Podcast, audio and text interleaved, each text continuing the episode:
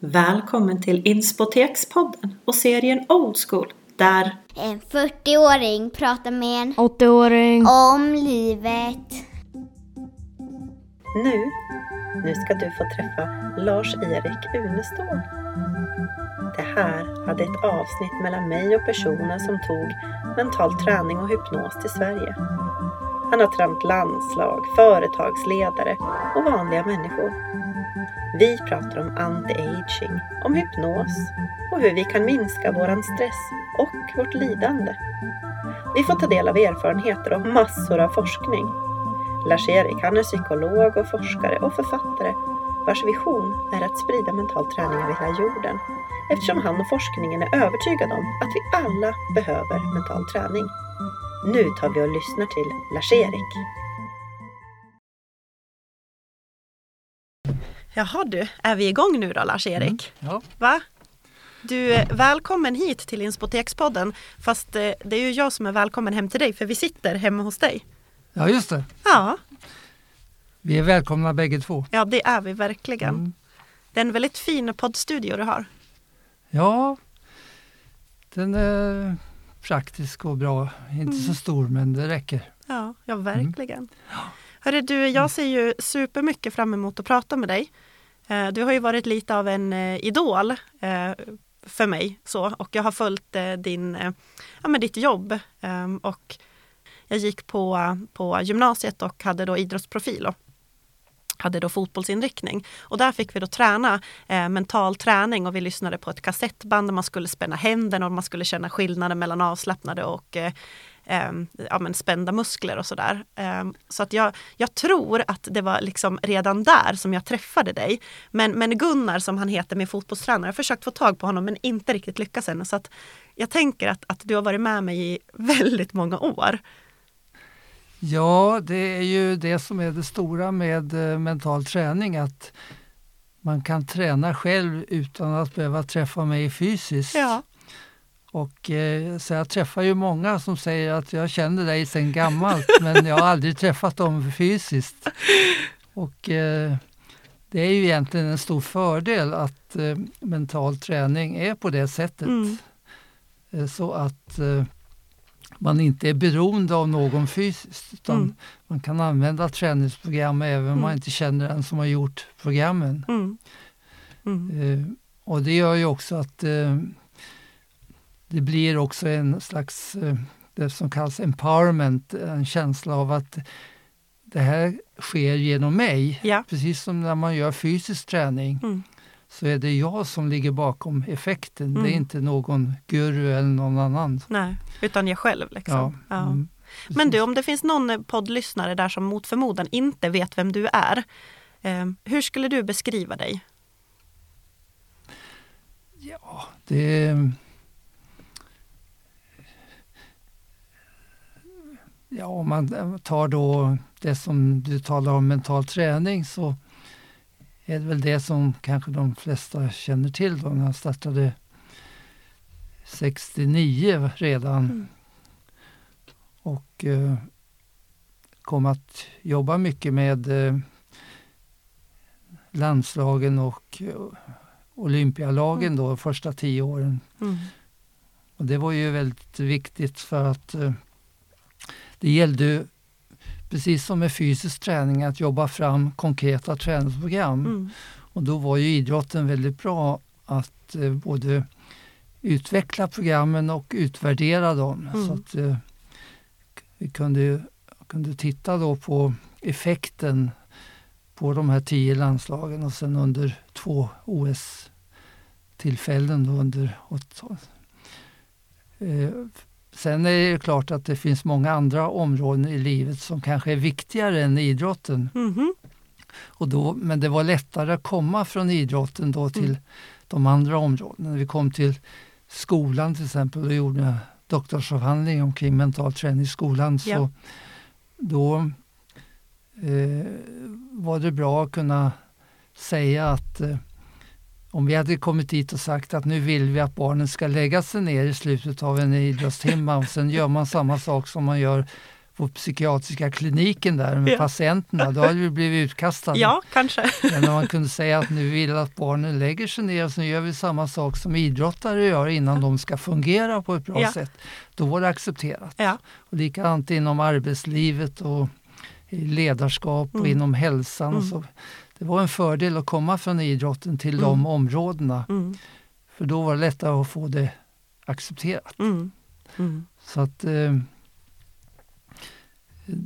det är väl det som eh, jag i olika former har sysslat med då, både i Sverige och i andra länder Mm. under alla år. Mm. Och fortfarande gör, eller hur? Ja visst. Ja. Ja.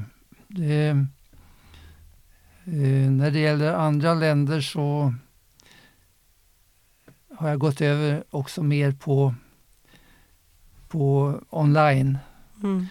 Målet är ju att sprida mental träning till hela världen. Mm. Och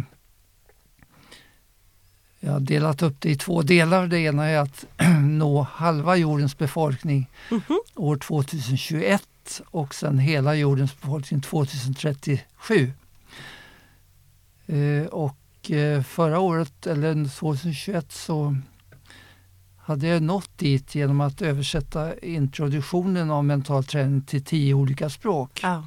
De tio största språken. Mm. Och då når man halva jordens befolkning. Ja.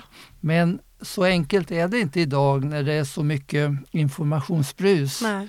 Så även om man har det här tillgängligt Mm. så gäller det ju att få ut det. Ja. Och det är det som är den stora svårigheten. Mm. Att nå Att- mottagaren. Att nå alla. Ja, Mm. precis. Mm. Så där är det väl eh, egentligen bara... Jag har ett projekt i, i eh, Irak Mhm. som heter eh, Mental Training for Peace. From inner peace to outer peace. Intressant. Och eh, det var då hälsoministern i norra Irak, i Kurdistan, som hörde av sig för sju år sedan ja. och sa att vi skulle behöva mental träning för alla här i Kurdistan. Ja. Och då hade jag en god vän som var mentaltränare som är från Kurdistan. Så han Okej. översatte mina program och böcker. Ja. Och sen har vi då jobbat där nere så att eh, förra året så hade vi nått alla i norra Irak. Och det är egentligen målet att få det att Ja. ske i alla länder. ja, men alltså du är så himla sprudlande och har så många järn i elden och du är över 80. Ja, hur orkar du allt? Ja, det här med eh, vad ålder är egentligen. Mm. Eh, och det här att hur gammal jag är, det är eh, det vet jag faktiskt inte för att eh, för 25 år sedan så jag började förstå då att eh, mycket av det som händer på grund av ålder har Mm. med medvetenheten om hur gammal man är. Berätta mer. Och då tänkte jag att en, det skulle vara intressant att se om eh, kropp och sinne fungerar annorlunda om man inte vet hur gammal man är. Så att med hjälp av hypnos så tog jag bort min ålder. Jag vet när jag är född, Ja, men jag kan inte koppla ihop det med året.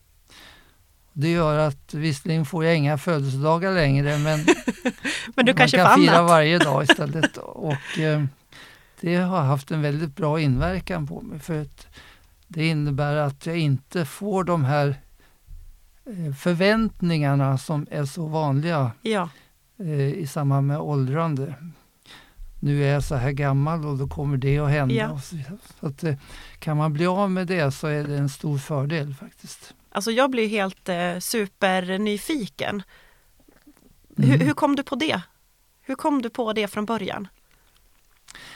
Ja, det har väl att, att göra med om man, eh, om man tittar på en människas liv Mm.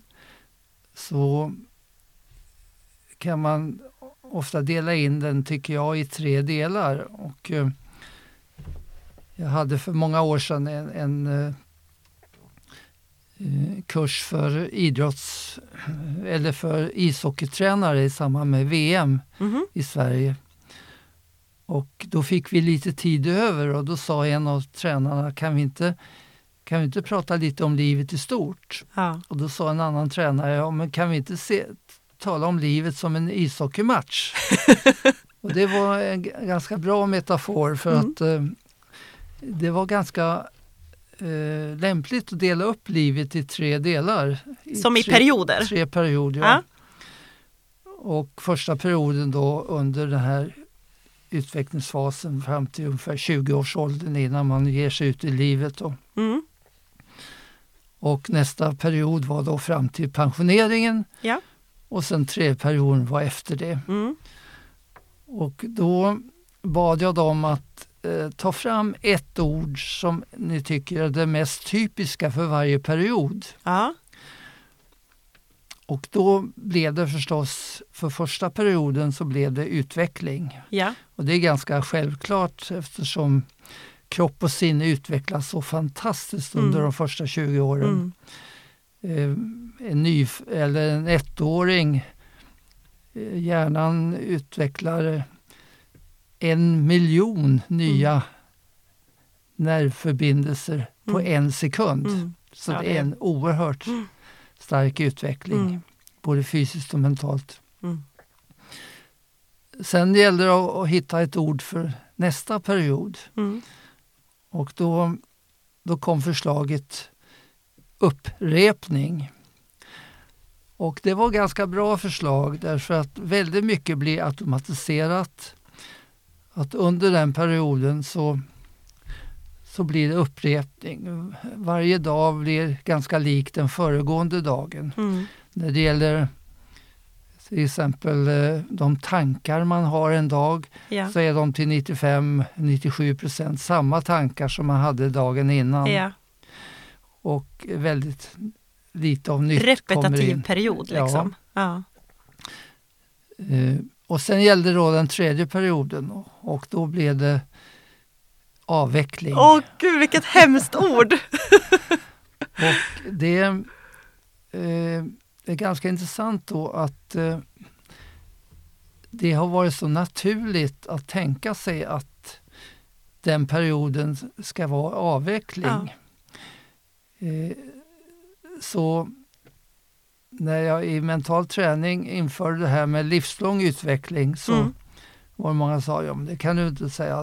Det, den vanliga, det vanliga eh, teorin omkring livet är ju att eh, det blir en decline-period. Ja. Och eh, då menade en del tidigare att den börjar redan innan pensioneringen. Åh. Och det hade att göra med att det fanns en uppfattning att hjärnan är färdigutvecklad vid 20-årsåldern. Mhm. Och efter det så går det bara utför. Eh, varje gång man går på krogen så tappar man ett par hundratusen hjärnceller. Ja, där ska vi inte vara alltså. Eh, beroende på lite vad man dricker. Men, och de kommer inte tillbaka. Ja. Så tanken var alltså att från och med 20-årsåldern så börjar den här decline-perioden Mm. där hjärnan av, avvecklas mer och mer. Och kanske tar speciell fart sen i pensioneringen. Men sen hände då det eh, att en svensk forskare, Peter Eriksson, han började med möss och sen gick på över på människor och fann att den här teorin, som, eller den här tron som man har haft i ett par hundra år, Ja. den var fel. Han visade alltså att hjärnan fortsätter att utveckla celler livet igenom. Ja. Varför hade man inte upptäckt det? Ja, Ja, varför inte? Jo, därför att han visade också en annan sak. Nämligen att det som blev eh, en slogan på apoteket, use it or lose it. Det vill säga, Aha. om man inte använder en hjärncell Ja. så försvinner den. Och det gör den redan från början, från födseln. Mm. Så att saker och ting man inte använder i barndomen Det försvinner. Jaha. Ja. Och eh, det här gjorde då att det hade man inte det hade man inte vetat om. Och det gjorde då att man trodde att hjärnan eh, måste utve- eh, avvecklas, Avvecklas, ja. från 20 år uppåt. Nu ändrade forskarna sig runt om i världen på Mm. grund av det här. Mm. Och eh, det här gjorde då att man började titta på hur ska man kunna använda sig av det här nya fyndet? Hur ska Ja. man kunna få en livslång utveckling då Ja. istället för de här tre perioderna? Och då eh, så beslöt Peter och jag att vi skulle starta ett seniorprojekt. Ja. Så vi började uppe i Karlstad Mhm. med 500 som jobbar med äldre. Mm. Och han berättade om sin forskning, Mm. att man kan utveckla det är inte kört. livet, eh, hjärnan livet igenom. Ja. Och jag pratade om varför blir det inte så då? Mm. Det här med use it och lose it. Mm. Vad är det som gör då att året efter pensioneringen runt om i världen så ökar dödligheten? Mm. Vad är det i pensioneringen som gör att den här avvecklingen sker så snabbt? Ja. Ja, jag, jag drog fram tre saker då. Okej. Det första var att eh, eh, missionstanken försvinner. Det Mhm. vill säga, vem frågar efter mina resurser nu? Ja. Vem behöver mig nu Ja. när jag är pensionerad? Mm. Tidigare har man ju haft en uppgift Ja. i samband med jobbet. ja. Och en roll tänker jag Ja, i. och känna sig behövd. Känna att man bidrar med Mm. någonting. Plötsligt så är det borta. Eh, Det andra hade att göra med identiteten. Vem är jag nu när jag inte är ett visst yrke som Ja. jag var förut? Och det tredje var att mitt nätverk minskar ner Ja. när arbetskamrater och så är borta. Mm. Och de här tre sakerna, det finns flera saker också, men de tre viktigaste sakerna Mm. kan då förklara mycket av den här, det som händer efter pensioneringen. Ja. Så det, eh, och vi skulle då gå ut med det här, men sen dog han väldigt snabbt nere i, nere i, när han var nere i Grekland, Mm. bara 50 år gammal. Mm. Så att det här har legat i stå Ja. fram till nu. Nu tänker jag gå ut med en kurs. Precis, Ja. det pratade vi lite grann om Ja, innan vi började det. sända Mm, idag. Mm. Så, så nu har ju du liksom, du är ju i startgroparna att, att lansera en någon slags seniorkurs nu då. Ja, just det. Den Ja, kommer att heta då År till livet och liv till åren. Fin att, slogan. eh, Den här dubbla aspekten då att Mm. både inte bara få ett långt liv utan det viktigaste är ju kanske då att få ett meningsfullt liv Ja. livet igenom. Ja. Det gäller att fylla det med något Mm. meningsfullt också. Ja. Inte bara det långa livet. Så Mm. att det är den dubbla aspekten då. Mm. Och där tror jag att mental träning kan vara en viktig del i att få det att hända då. Mm. Mm. Men just det här, eh, jag är så förvånad över att eh, till exempel nu i Frankrike att det är så stora protester mot att man ska höja pensionsåldern. Mm. Man borde ha glädjerop istället. Säga, här får man möjlighet att jobba längre Ja. eh, istället för att man protesterar vilt. Mm. Eh, och, men så är det ofta att det är en chimär. Jag träffar fl- eh, ibland människor som sä- säger att jag har sett fram emot pensioneringen de sista tio åren. Ja. Nu blev jag pensionerad ett år för ett år sedan. Ja. Det är rena helvetet. ja, det var inte alls som de hade Det tänkt var kanske. inte alls. Nej. Så det, på, för många är det nog en slags eh, ja, felaktig eh, förhoppning Ja. man har. Sen finns det de som kan fylla det på ett bra sätt Mm. med andra saker. Mm. Eh, och, och då kan det ju vara okej. Alltså, Mm. att man får möjlighet att göra saker man inte kunnat gjort förut och Mm. resa och så Mm. vidare. Så, Mm. eh, det är okej, men för många eh, blir det istället det här att saker som- man känner att man saknar. Ja, den blir som ett vakuum. Ja, Ja. och sen Men- in- inte att känna sig behövd längre. Nej. Men jag fastnade vid ett, ett ord som du använde, meningsfullhet. Att vi ska fylla det med meningsfullhet, livet. Ja, Ehm, och jag, jag tänker att det handlar mycket om det, att, mm. att, att vi behöver hitta den där meningsfullheten Mm. eh, för, att, för att tycka att det är roligt och tycka att det är Mm. värt det. Eh, det låter ju hemskt att gå och tänka så här, jag, gud, jag går och väntar i tio år på pensionen för sen ska jag göra något. Jag tänker, det måste ju vara så viktigt att, att vi redan, alltså att hela livet tänker att det, är, det ska vara meningsfullt i allt det vi gör, inte gå och vänta på Mm. nästa sak eller du vet, Mm. där borta ska jag. Mm. Vad tänker du kring det? Jo, eh, när man tittar på meningsfullhet så eh, är det delvis är det individuellt förstås.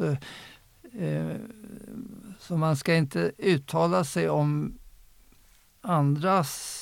Det finns ju de som säger, du talar om fotboll förut, som säger vad är det för mening att 22 vuxna människor springer omkring på en fotbollsplan och jagar en boll? Ja, efter samma boll. Ja. Eh, visst, men så kan man inte säga för att Nej. för dem är det meningsfullt. Ja.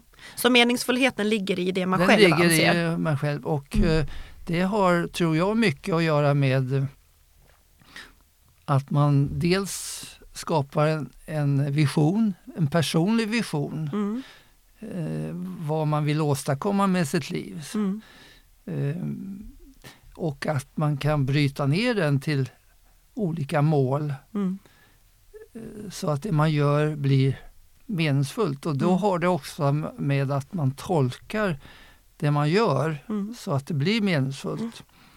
Den här gamla berättelsen om stenhuggarna är ju ett bra exempel. Eh, De som, den ena upplevde att han högg sten och den andra upplevde att han byggde en katedral. Ja, Eh, Vilken olika meningsfullhet blir Ja. det inte beroende på hur man tolkar det man gör. ja, verkligen.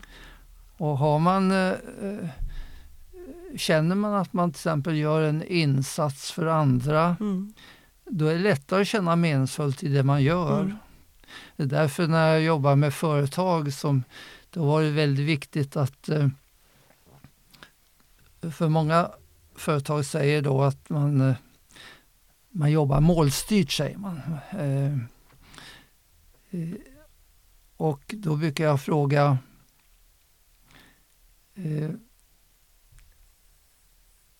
om, om man ser företaget som en båt, mm, så vad är det viktigaste en båt? Ja, säger man, det är ju att man har en bra kapten och en bra eh, ut, eh, navigationsutrustning och Ja. roder så man kan se till att man kommer dit man ska. mhm, Då brukar jag säga, jaha, men vad händer då om båten ligger där still? Om vi skaffar världens bästa kapten och, Ja. eh, och båten ligger still? Nej, båten måste ju röra sig, båten måste ju ha styrfart. ja, Ja, säger jag. Vad är det då för idé att ni jobbar målstyrt och sätter upp mål för verksamheten som ni skickar ut till alla, anställda om inte man skapar motivation först, Ja. drivkraft Ja. hos alla de som Farten. finns med mm, i, i företaget. mm, Och det får man inte genom att man får ett, ett eh, PM från eh, styrelsen att nu har vi bestämt att vi ska jobba för det här målet. nej, Utan man måste ju känna för det. ja, Och där finns det oerhört mycket att göra ute i näringslivet mm, för att skapa just den här motivationen hos de som jobbar. mm, Så att de känner att eh, de känner företagets mål, känner att det Ja. gynnar mig också Ja. och mina mål. Mm. Att mm, det blir utbyte så företaget hjälper de anställda att nå sina mål mm. och eh, de anställda hjälper företaget att nå sina Ja. mål. Så det blir win-win. Ja, ja Mm. precis. Mm, Så det finns oerhört mycket att göra när det gäller Mm. att känna att det man gör är meningsfullt. ja, Och det behöver inte alltid innebära att man gör någonting annat. Det kan innebära att man tolkar det man gör på ett annat sätt. mm, Eh, så att eh, det är eh, viktigt att både ha en vision och mål som, som skapar meningsfullhet Mm. i livet. mm, mm. Men, men vad, har du, vad, vad finner du meningsfullt i ditt liv? Ja, den, eh, den vision som jag hade med från början då, det mm. var ju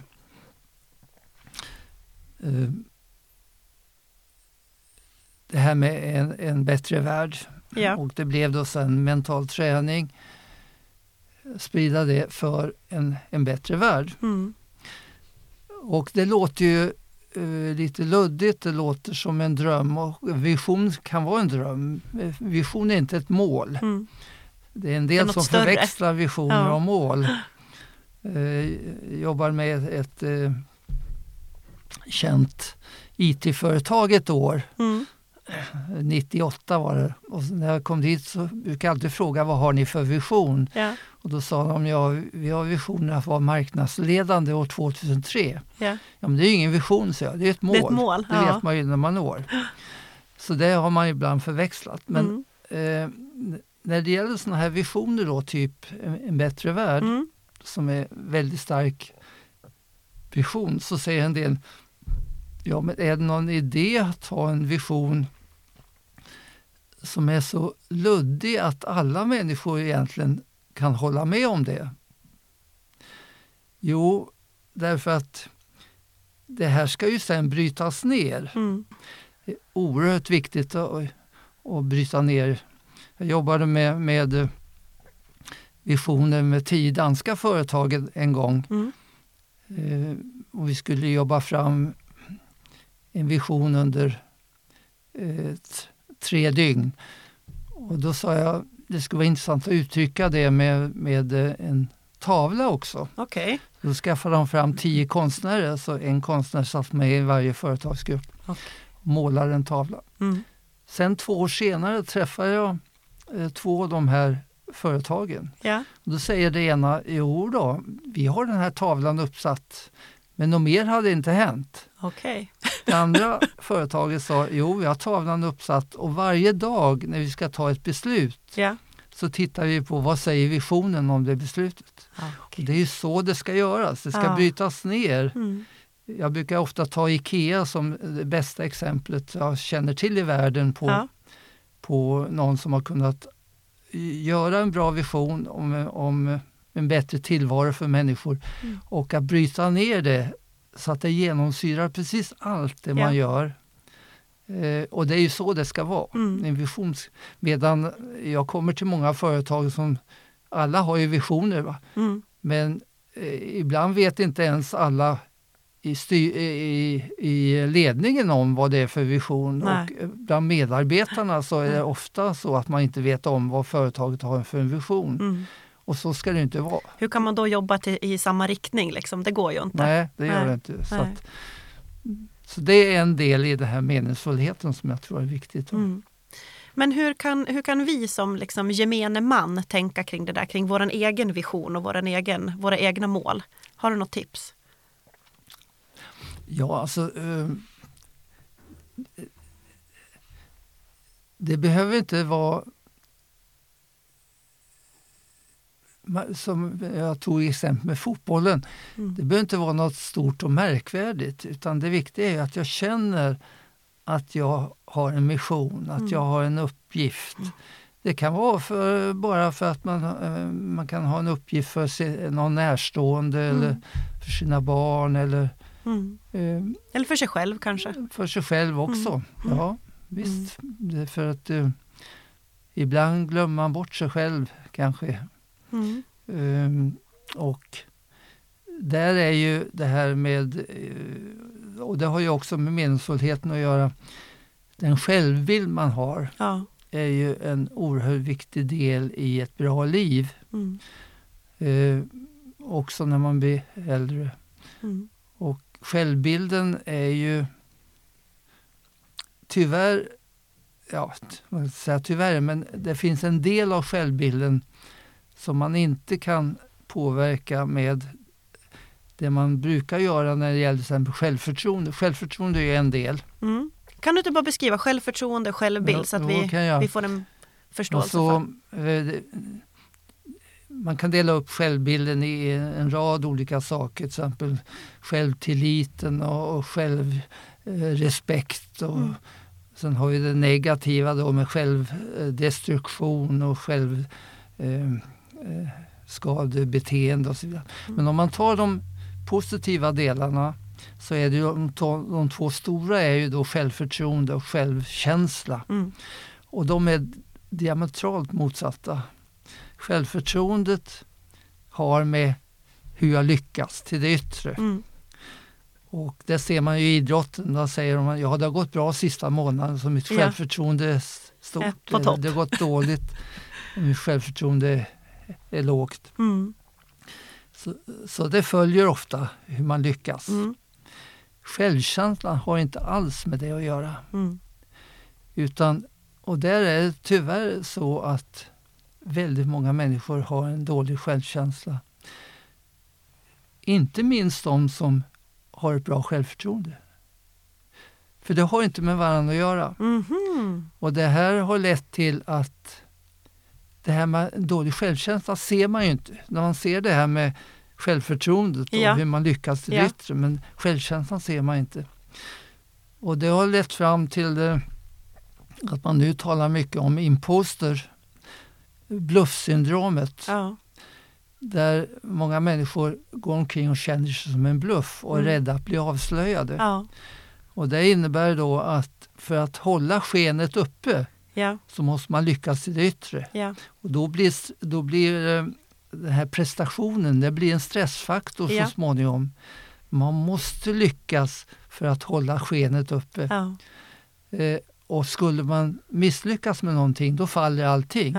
Medan om man har bra självkänsla då, då, är man inte beroende av att lyckas till det Då har du råd att misslyckas ja, lite grann visst. och det påverkar inte jag dig. Jag tycker till. om mig själv i alla fall, ja. även om det inte gick så bra. Och Det kan man inte åstadkomma då på det här vanliga sättet som har med självförtroende att göra. Mm. Utan det måste komma inifrån. Mm. Och där är väl en av de största eh, användningar man har haft av mental träning på mm. det här området. Eh, därför att det är många som har sagt till mig Ingen har vetat om att jag har dålig självkänsla. Eh, man tror att jag eh, man tror eh, i och med att jag har lyckats så bra, jag är mm. med i karriären, och, yeah. så tror man att man ska också ha bra självkänsla. Mm. Men jag har lidit av det här hela livet. Ja, det är hemskt. Och nu när jag har, och det har varit en anledning att man satt igång då mental träning. Ja. Och efter några månader så har självkänslan varit bra. Mm. Den kommer inifrån, växer mm. fram. Mm. Man behöver inte förtjäna den mm. med någonting yttre. Så det, det har varit en... Och det viktiga, man behöver inte ens tala om att man tränar. Eftersom man tränar själv. För sig själv ja. ja. Mm. Så att man behöver inte skylta med det utåt heller. Nej. Så jag har haft många i karriären som har sagt att det är det viktigaste som en mental träning har gett mig. Ja. Det är att jag har fått eh, jobba med min självkänsla. Mm. Ja. Men jag tänker att mental träning blir ju på något sätt ett verktyg som vi alla borde utnyttja. Eh, men, men inte gör. Eh, utan det är ju räddningen för, för, för många delar i vårt liv. Eh, att vi kan hantera många olika skeenden och oss själva och utveckla mm. oss genom mental träning. Men mm. hur kommer det sig att vi inte gör det då? Ja, det är väl eh, kanske en dels är det väl många som inte vet hur man ska göra det och sen mm. kanske en del har tänkt att eh, det mentala kan man inte förändra utan mitt sätt att tänka och mitt sätt att vara, mitt sätt att känna det är väl kon konstant. Eh, men eh, sen är det ju också så att eh, det här är ju en träning som mm. allting annat. Mm. Och, och, tar tid. Ja. Man måste ägna då några månader mm. åt eh, kanske något år också ja. till, för att få bra effekter mm. av mental träning. Mm. Vare sig det är idrott eller självkänsla och mm. så. Mm. Eh, så att det är väl också både kunskap och veta hur man gör och ja. sen också ta den tid det behövs mm. för att få en förändring ja. till stånd. Men också mod. Ja. Tror du inte det? Jag tänker att, ja. att det krävs en, en, en, modighet att våga också inse att jag så behöver utveckla mig. Jag behöver jobba lite grann med mig själv och våga, våga mm. stå för det. Mm. Det har lite med eh, att vi tyvärr, jag brukar eh, säga att en av de viktigaste sakerna med mental träning det är eh, det jag kallar för utvecklingsmodellen. Då. Eh, det här livslånga utvecklingen som vi var inne på ja. förut. Den vanliga modellen i samhället den kallar jag för K-modellen. Mm -hmm. Och K-modellen den, är, den står för en del olika K-ord. Den står för den kliniska modellen. Ja. Den står för klagomodellen. Mm -hmm. Jag brukar fråga människor hur, hur många dagar eller timmar har gått sedan du klagade sist. Ja. den står för kritikmodellen. Ja. Jag har gjort en, en feedback-träning på sju veckor som heter Feedback utan kritik. Många är rädda för feedback därför att de uppfattar det som kritik. Ja. Det står för klandermodellen. Mm -hmm. Så det finns många K-ord. Ja. Men, men kliniska innebär ju då att det är en felmodell. Ja. Du går inte till en läkare och för att tala om hur, hur bra hälsa du har. Nej. Eller till en psykolog och tala om hur bra du sov på natten. Ja. Utan det är fel. Mm. Och så har det varit, eh, den här felmodellen har varit i samhället också. Mm. I eh, företag. Mm. Kommer man att föreslå en förändring i ett företag ja. så säger de säger man eh, tar det som kritik. Vad är Ja. det för fel på det vi har gjort? Precis. säger man. Så försvarar Man man, utgår ifrån att det är någonting som är fel, Ja. det är därför vi behöver göra man, förändringar. man försvarar det. Mm. Medan eh, den här utvecklingsmodellen innebär ständig utveckling Ja. oavsett utgångsläget. Mm. Det behöver inte vara något fel för att gå vidare Nej. utan man frågar sig Ja, det här fungerar ju bra men det kanske kan fungera ännu, Ännu bättre. bättre. Ja, Ständig förbättring. Eh, samtidigt som man är nöjd med processen. Alltså Mm. det är inte på grund av att, man, att det är något missnöje Nej. utan det är nöjet med att kunna gå vidare Mm. i livet igenom. Mm. Och det har varit väldigt spännande att försöka införa den modellen. Ja.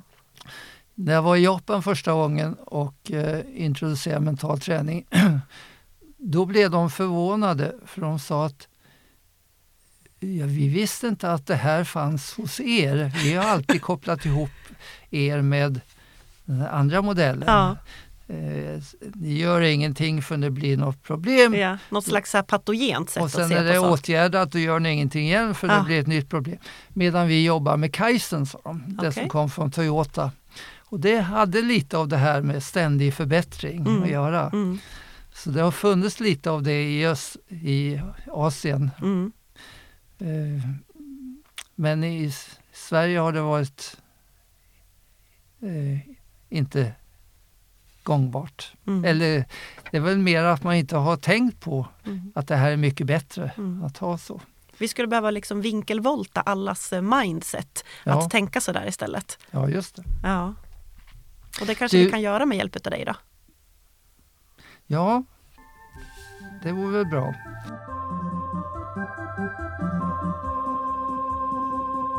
Du nämnde det här med, med ålder förut. Då, Ja, och Vi var precis. inne på det. Eh, det är ganska intressant att titta på de olika eh, sätten att, eh, att bestämma ålder, eller att tala om ålder. Ja, berätta. Eh, Jag ser att du håller upp lite papper här. Och, Ja, eh, eh, jag kommer ihåg att jag hade skrivit lite om det eh, tidigare. ja. Eh, och det var då med... Eh, jo, det vanligaste är ju den här kronologiska åldern. Va? ja, 1, 2, 3, 4, 42, Ja, just det. 43. Ja. Sen har det ju blivit eh, ganska inne att tala om biologisk ålder. Mhm. Eh, det är den fysiska statusen. Ja. Det har man ju mått nu på att eh, bestämma den biologiska åldern. Och då kan man ju se att den skiljer sig väldigt mycket från kronolo- kronologisk Mm. ålder. Så att ibland när jag eh, ska titta på någons ålder så säger jag att det här med kronologiska det är, eh, det är ju värdelöst, säger jag. Det är den biologiska som är viktiga. Ja. En, en 50-åring kan vara från eh, 20 till, Till 70 år. Ja, verkligen. Ja, Ja. biologiskt. Eh, så att det vore bättre att, att man redogjorde för den biologiska åldern. Ja. Sen har vi den här subjektiva åldern, Mhm. hur gammal man känner sig. Ja, den är ju intressant. Och där känner ju sig de flesta yngre. Då. Ja. Ja. Och vet du, alla mina poddgäster som jag har haft Ja. eh, kommer alltid in på det där att, för jag brukar alltid säga så här, men du som är över 80 och sådär och då säger de så här, men alltså jag känner mig inte så där gammal. Nej, nej, Eh, så att, så att det, det är genomgående, verkligen. Ja, precis. Sen har vi funktionell ålder. Mhm. Och det är beteendenivån, Ja. hur man fungerar beteendemässigt. Då. Så att eh, både det här med olika åldrar är intressanta och även det här med orsakerna till aging. Mm, Du vet, det satsas ju oerhört mycket pengar på anti-aging. idag verkligen. runt Krämer och mat och Ja. mm, beteenden och allt möjligt. Och Mm. mycket av det är ganska bortkastat egentligen. Mm. Det finns på den mentala sidan då, Mhm. finns det många, eller många, men det finns några jätteviktiga undersökningar Mhm. som visar hur åldern, eh, hur åldern eh, påverkas av eh, just den mentala delen. Ja. Och jag tänkte bara att, eh, för att i den här kursen har jag tagit upp det. Jättespännande! Får jag nämna det? Gör Några det exempel på det. Ja, gör det. Eh, En forskare i Tyskland mätte välbefinnandet hos tusentals äldre i Heidelberg Mm. Eh, och eh, det visade sig då att eh, eh, de som hade hög välbefinnande, de hade 30 gånger högre överlevnad än de som hade lågt välbefinnande. Så det kan Mm. man se kopplingen mellan välbefinnande Ja. och ålder. Då. Mm. Sen delar man upp de 12, eh, 1200 som hade lågt välbefinnande i Ja. en kontrollgrupp och en experimentgrupp. Experimentgruppen fick sj- självhjälp, eh, instruktioner och mental träning. Ja. 13 år senare så levde 97 i kontrollgruppen och 409 i experimentgruppen. Ja. Så stor skillnad genom att man fick jobba, börja jobba med mental träning. Då. Ja. Eh, Mona Langer gjorde en intressant studie där hon eh, eh, delade in äldreboende i två delar. Eh, i, på en våning, samma byggnad, Ja. så ser, eh, serverades de eh, boende med olika saker. Man skötte deras växter, de, de fick eh, eh, ja, man bäddade deras sängar Mm, och man mm. gjorde allting för dem. Ja. Medan våning fyra, dels fick de bestämma eh, saker och ting mera själv, Ja. vad de ville titta på för film eller Ja. och de fick också sköta saker själva, både växter och annat. Ja. Ar, eh, 18 månader senare så levde dubbelt så många på våning Fyra? Ja. jämfört med våning två. Och det här, jag jobbar mycket tillsammans med Per Leisner när han var överläkare här på, på, region, eller på universitetssjukhuset. Han var mycket intresserad av mental träning. Mm. Och, han gjorde en liknande studie på ett äldreboende här i när- närheten av Örebro Okej. där han eh, lyckades få två avdelningar att fungera annorlunda när det gäller hur mycket man fick hjälpa till själv och, Ja. hur mycket man, och fick också en, en skillnad i, i överlevnad. Ja, det är helt fantastiskt. Så eh, det finns en hel del att plocka av när det gäller just att titta på den mentala delen Mm. och länge. Sen har vi en annan sak och det är också det här med förväntningarna. Mm. Vi vet ju att eh, man kan fråga hur mycket av den här decline, nedgången, Ja. sker på grund av att man förväntar sig det. Ja. Eh, därför att förväntningar styr väldigt mycket. Det är ju slags målbilder man skapar i huvudet. Mm. Nu är jag så här gammal och då Ja, kommer och då det borde det bli så här. kommer det hända. Ja. Eh, vi har det här med 100 år som en slags gräns. Och vi sjunger 100 år. Här så sjunger vi alltid... jag må leva, ja just ja. jag, sjunger, ja. vi sjunger alltid, jag sjunger alltid 137 istället. Men det är inte så konstigt att så få lever efter 100 för det är liksom inpräglat. Ja. Kan jag leva så länge då är det gränsen. Så det är egentligen ingen som förväntar sig ens att vi ska leva tills vi blir över hundra. Och det finns ännu mer dramatiska exempel från, eh, från släkter där man har dött en viss ålder. Mm. eh, som verkar ha med, med förväntningar att göra. Där man i släktled efter släktled har dött i samma ålder. Men fy. Så att eh, eh, sammantaget kan man säga att den mentala inställningen och förväntningarna Ja. eh, kan spela en stor roll också när det gäller eh, det här med åldern. Det är därför det var så bra att ta bort åldern så man slipper Ja. påverkas av att nu är jag så här gammal. Ja. Och, på något sätt tro att nu ska jag må så här eller nu ska det här komma. Utan mm, att, att mer vara i sin egen kropp och, och, och jobba därifrån. ja, precis. Det är det. Alltså, det finns så himla många saker som jag skulle vilja liksom prata om eh, utifrån det här. Men, men, men jag tror att vi bara kan fastslå här och nu för, för alla lyssnare, eh, eller hur Lars-Erik, att mental träning är livsavgörande och att det är någonting vi alla borde göra och vi kan både fördröja åldrandet och, och må bättre och hantera mycket saker i våra liv om vi, Mm. om vi jobbar där Ja. eh, med oss själva. Det är också, eh, bara för att lägga till en sak som gäller mental träning. Mental träning använder vi mycket för stress. Mm. Och eh, eh, vi gjorde, jag gjorde en undersökning tillsammans med eh, en, en god vän som är forskare. Vi ville titta på vad händer under... Eh, man kan ju mäta den biologiska åldern som vi sa. Mm. Vad händer eh, med mental träning jämfört med eh, en kontrollgrupp Mm. om man får träna sex månader? Ja, Så vi mätte den biologiska åldern Ja. med ett eh, hormon som heter DHEAS. Och eh, sen mätte vi bägge grupperna sex månader efteråt. ja. Och den ena gruppen hade fått mental träning den ena och den andra gruppen inte. fick mental träning. Ja. Det visade sig då att den gruppen som eh, var kontrollgrupp, den hade blivit äldre. Precis som man förväntar sig under de här sex månaderna. Ja. Medan eh, experimentgruppen hade blivit sju år yngre Är det sant? på sex månader biologiskt. Ja. Det här var ju första gången i världen som det här var visat. så att eh, Vi fick in den i en vetenskaplig tidskrift, en, eh, en sån här peer review journal. Ja. Alltså, med höga krav ja. på kortare tid än det brukar ta. Det brukar ta flera år. Vi fick in den på sex månader. Oj. När den artikeln publicerades så Ja. ringde Dagens Industri. och Till sa dig eller? Ja. Att eh, vi har sett att eh, ni har visat att man kan bli yngre med mental träning. Ja.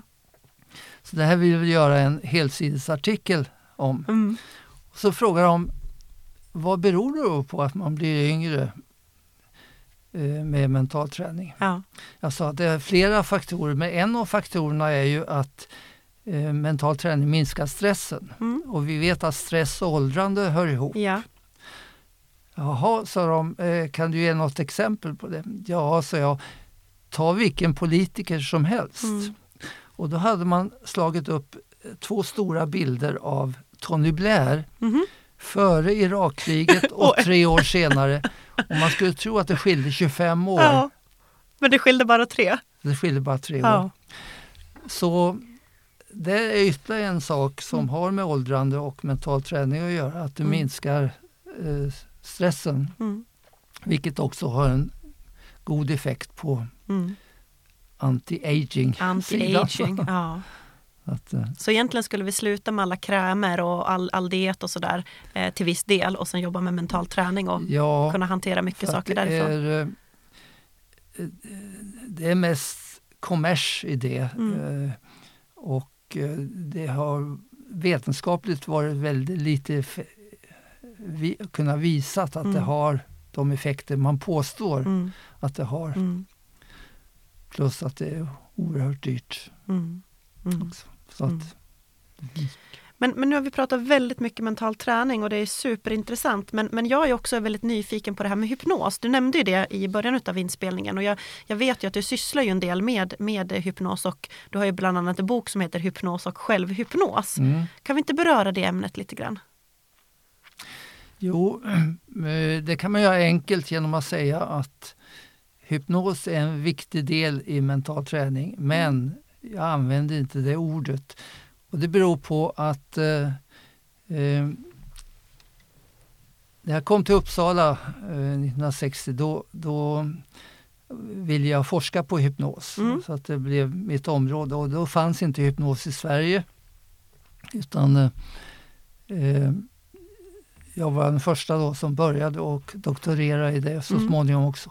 Och startade Svensk förening för hypnos Mm. 1975.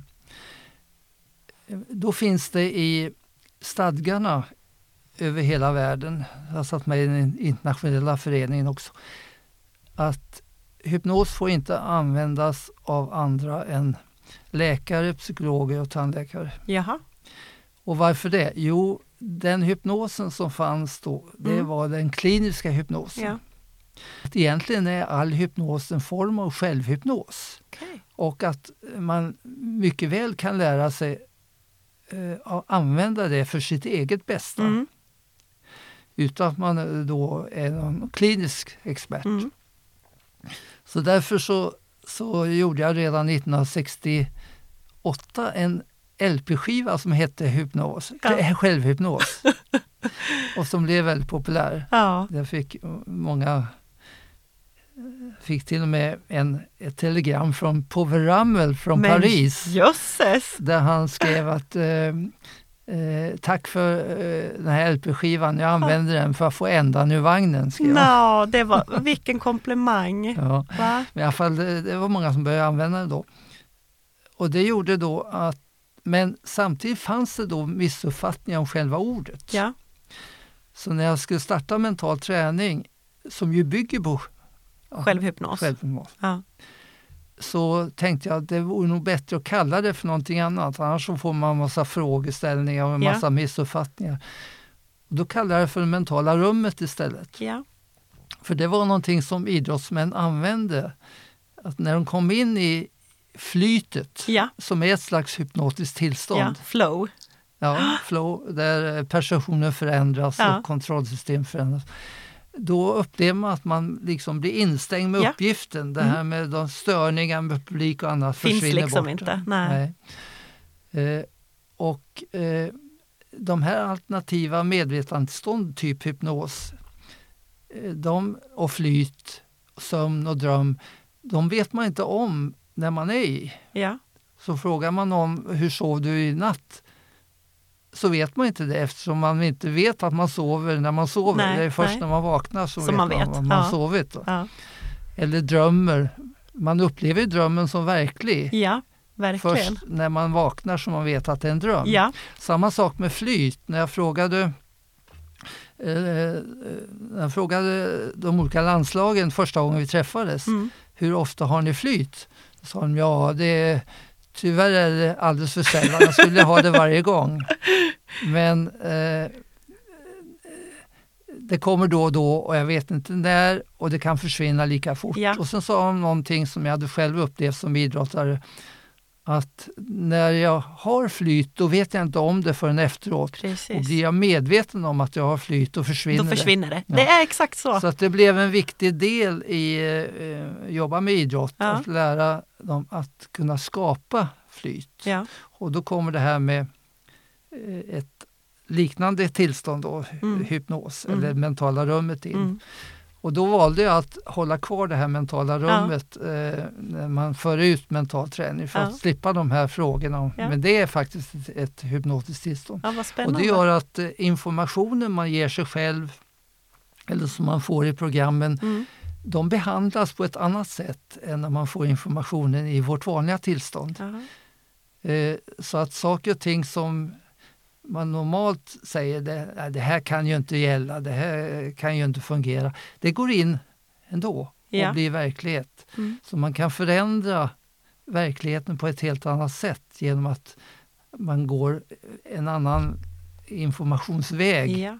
till vårt inre. För det är därför du i dina videor, nu har jag följt dem en del, eh, där du säger så här, du kliver in i ditt mentala rum. Ja, Eh, och då blir vi då tillgängliga till, Mm. till det du säger. till det, ja Mm. precis. Så. Ja, vad häftigt.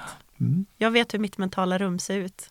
Ja, Vet jag. Jag har en brasa där också. alltså, ja, Har du det i ditt mentala rum? ja eh, jag satte in en, en brasa som en symbol för eh, energi. Ja. Kunna få energi. Mm.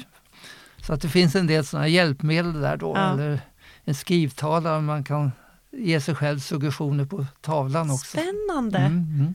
Jag har en skrivtavla hemma i mitt eh, pysselrum eller mitt arbetsrum. Ja. Eh, såna whiteboards där jag skriver massa olika saker. Så det, det, jag kanske ska införa kan det i mitt mentala det i rum. det mentala rum. Ja. Bra, bra tips, tack! Mm. För Mm. då kan du också, det gäller ju att tala om för kroppen eh, och ofta kan det vara med bilder. Eh, så det är inte bara att skriva saker som man vill ska hända utan Nej. till exempel om man har huvudvärk så kan man skriva huvudvärk på tavlan så stryker man ut det. Ja, Då förstår kroppen vad det är man syftar. Va? ah, just Så det. att- Så det blir en manifestation i, i, Ja, det, i det ja, skrivna. Ja, ja precis. Ja, vad häftigt. Mm. Du, jag har en fråga till dig. Ehm, för I någon av dina klipp ehm, så, så säger du så här att, att, ehm, att när du fokuserar din tanke på, på någonting, eh, som när du kör din mentala träning, då går det inte åt lika mycket energi. Men det är väldigt mycket jobbigare för, för tanken eller för huvudet att låta tanken eh, du vet, spinna amok liksom i huvudet. Sådär. Ja, precis. Eh, ja, det är en eh, viktig sak. För att vi har eh, ofta kopplat det här med vila. I, idag är det oerhört Precis. viktigt med återhämtning. Ja.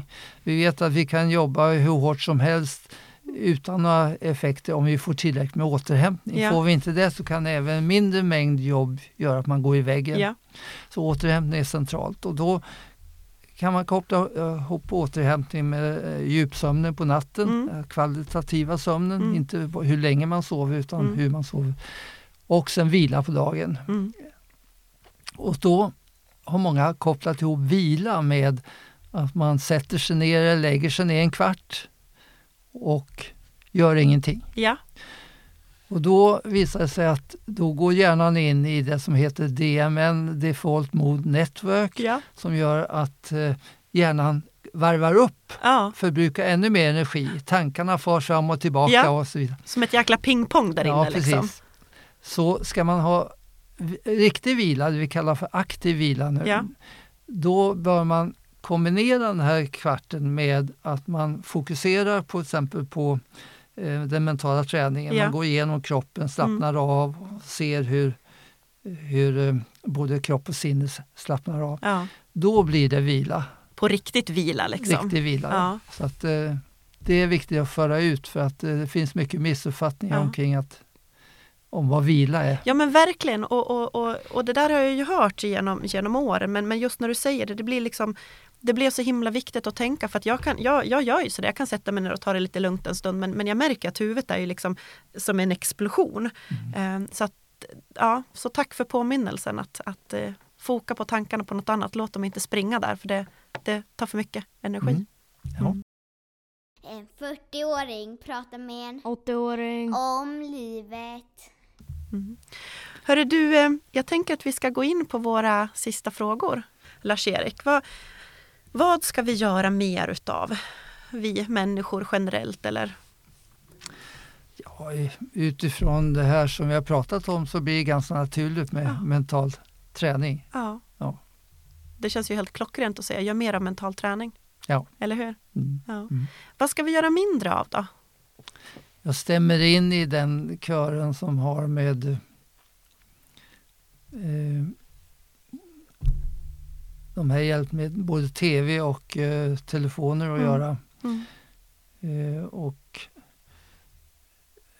i Kalifornien, de som ligger bakom hela den Ja. här, har ju till och med förbjudit sina Egna ungar ja. unga, ungar. Mm. Eh, för de har förstått att det blir alldeles för mycket Mm. och för tidigt Mm. också. Med. Så det är väl en sak som man skulle stämma in i. Ja. Mm. Dödskallen representerar ju någonting som kan vara väldigt giftigt för oss. Eh, någonting som vi absolut måste sluta upp med. Ja, jag skulle uh, säga att uh, vi ska sluta klaga. Mm uh, vi har ju... Jag tog över en, för 20 år sedan en, en känd forskare eller författare från USA som hade skrivit en bok, Samarbete istället för konkurrens. Mm. Och när han kom till Sverige och vi hade ett seminarium så började han med att säga att jag känner mig väldigt glad över att få komma till Sverige. För Sverige är det enda landet i världen som har till och med statligt konkurrensverk. Och vi är ju kända över hela världen för en enda sak som är kunglig. Den kungliga svenska avundsjukan. Ja. Så där finns det mycket som vi borde sluta med. Både klagomål och avundsjuka. Ja, ja. ja det var klokt sagt. Mm. Livsnödvändigt för oss i livet att göra. Finns det någonting sånt? Om du inte får se mental träning, finns det någonting annat som är absolut livsnödvändigt för oss? Jag eh, var igår hos en eh, en bekant som har varit min examinator eh, hjälpt mig under yeah. många år, yeah. även under universitetstiden och efteråt. Yeah. Hon har skrivit många böcker. Hon har skrivit en en av hennes sista böcker heter Döden är livets största överraskning. Ja.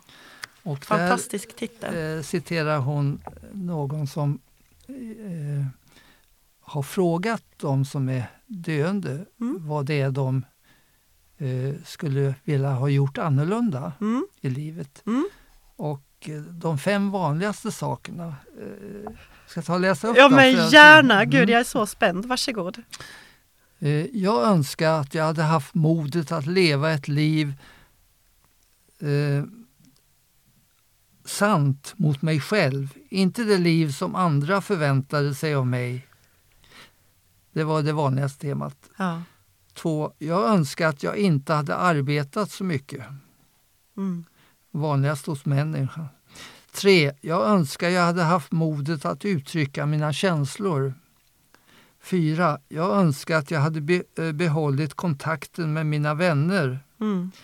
Fem, jag önskar att jag tillåter mig själv att vara lyckligare. Men, Och det sista är inte minst viktigt. eh, Lyckan kommer inte genom yttre framgångar eller pengar. Nej. Lyckan finns inom oss. Mm. Det gäller bara att låta den komma fram. Mm. Om man strävar, försöker bli lycklig, då blir man aldrig lycklig. Mm. Själva strävan motarbetar själva lyckan. Lyckan finns hos alla av oss Ja. inombords och det gäller att se till att vi får fram den. Mm. Anamma den. Mm. Författaren, din, din, din kompis där, hon heter Pia. Pia Hellertz, ja. Mm. Jag, Jag rekommenderar boken. jag lägger en länk även i poddbeskrivningen till, till, till hennes bok förstås. Okej. Spännande. Mm. Ehm, ja, wow.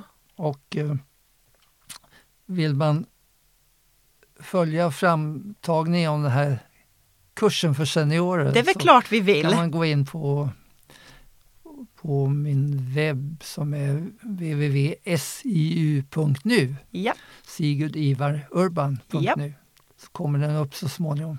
och vi länkar den även i poddbeskrivningen, eller hur Lars-Erik? Ja, Ja, okej. det gör vi.